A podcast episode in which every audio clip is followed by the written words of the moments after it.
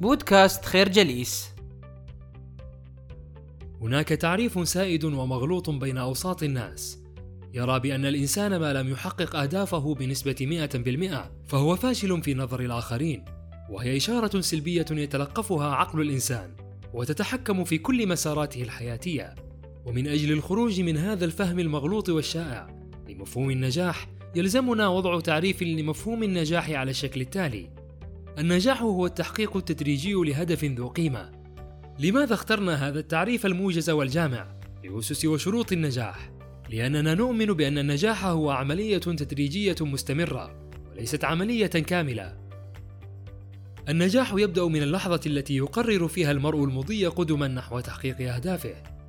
النجاح يكون من خلال هدف ذا قيمة سامية للفرد والمجتمع.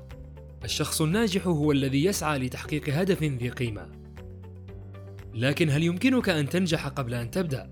نعم يمكن ذلك ولكن من خلال ثلاثة مراحل. مرحلة بناء فكرة النجاح. مرحلة التخطيط الجيد. مرحلة التنفيذ والإنجاز. الفكرة. النجاح الحقيقي يبدأ كفكرة قبل أن يتحول إلى واقع فعلي. في النجاح يجب أن تركز على الذات ولا تقس نجاحك بمعايير الآخرين. فليس النجاح الحقيقي هو أن تتفوق على الآخرين أو تتنافس معهم فالنجاح الحقيقي لا علاقة له بما هو متعارف عليه عند الناس بالمنافسة أو محاولة إثبات الذات لترسو فوق نجاحات الآخرين لأنك ببساطة حينما تفعل ذلك لن تشعر بالرضا الحقيقي عن ذاتك ولن تتذوق السعادة الحقيقية. معنى ذلك أن النجاح الحقيقي هو تطور ذاتي وتفوق على النفس وليس على الآخر. أن تبدأ في الوقت دون مبررات أو عراقيل نفسية. معرفة الصعوبات والعوائق وتجاوزها. اتخاذ القرار المناسب في اللحظة المناسبة. إحداث النقلة النوعية نحو الأفضل بالتخطيط والتنفيذ الجيد. الفكرة النجاح الحقيقي هو تفوق على الذات وليس على الآخرين. في هذه الحياة دوما ثمة شيء يخدعنا. ولطالما نكون ضحايا لهذه النزعة التخويفية الرامية إلى أننا في ساحة حرب لا تنتهي في حين أن طبيعة الحياة تقتضي منا الصبر والتحمل من أجل أن نحقق أهدافنا.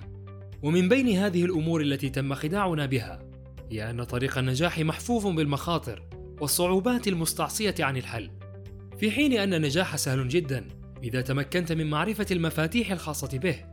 لهذا فأكثر الناجحين وهم يسردون علينا قصص نجاحاتهم غالبا ما يركزون على المشقات والصعوبات التي مروا بها وعاشوها قبل أن ينجحوا دون أن يطرحوا السؤال التالي هل نجاحهم كان نتيجة محصلة الصعوبات والمشقات التي واجهوها؟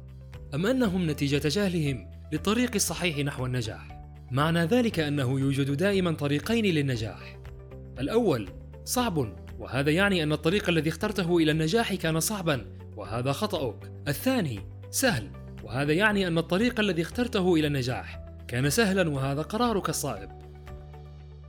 الفكرة النجاح فكرة سهلة إذا ملكت المفاتيح الخاصة به. كي يلمع نجمك في هذه الدنيا وتحقق أهدافك، لابد أن تخوض تجربة النجاح الخاصة بك فتكون نجما لامعا، أو ربما تبدأ كصخرة أو كويكب صغير أو حتى حبة رمل وهذا ليس مهما.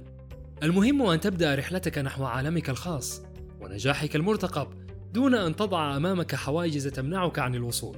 وكي يتحقق لك ذلك يلزمك اتخاذ الخطوات التالية. لا تسمح لأحد أن يهز ثقتك بنفسك. اعمل على أن يكون تفردك وتميزك هو أن تكون أنت وليس شخصا آخر. احرص على ثقتك بنفسك وتوكل على الله. حقق الرسالة الخاصة بك بكل فخر واعتزاز. لا تحرم البشرية من روعتك ولمستك. تجنب احتقار الذات وجلدها. الفكرة أنت نجم في هذا العالم فلا تحرم البشرية من نورك. نشكركم على حسن استماعكم. تابعونا على مواقع التواصل الاجتماعي لخير جليس، كما يسرنا الاستماع لآرائكم واقتراحاتكم، ونسعد باشتراككم في البودكاست.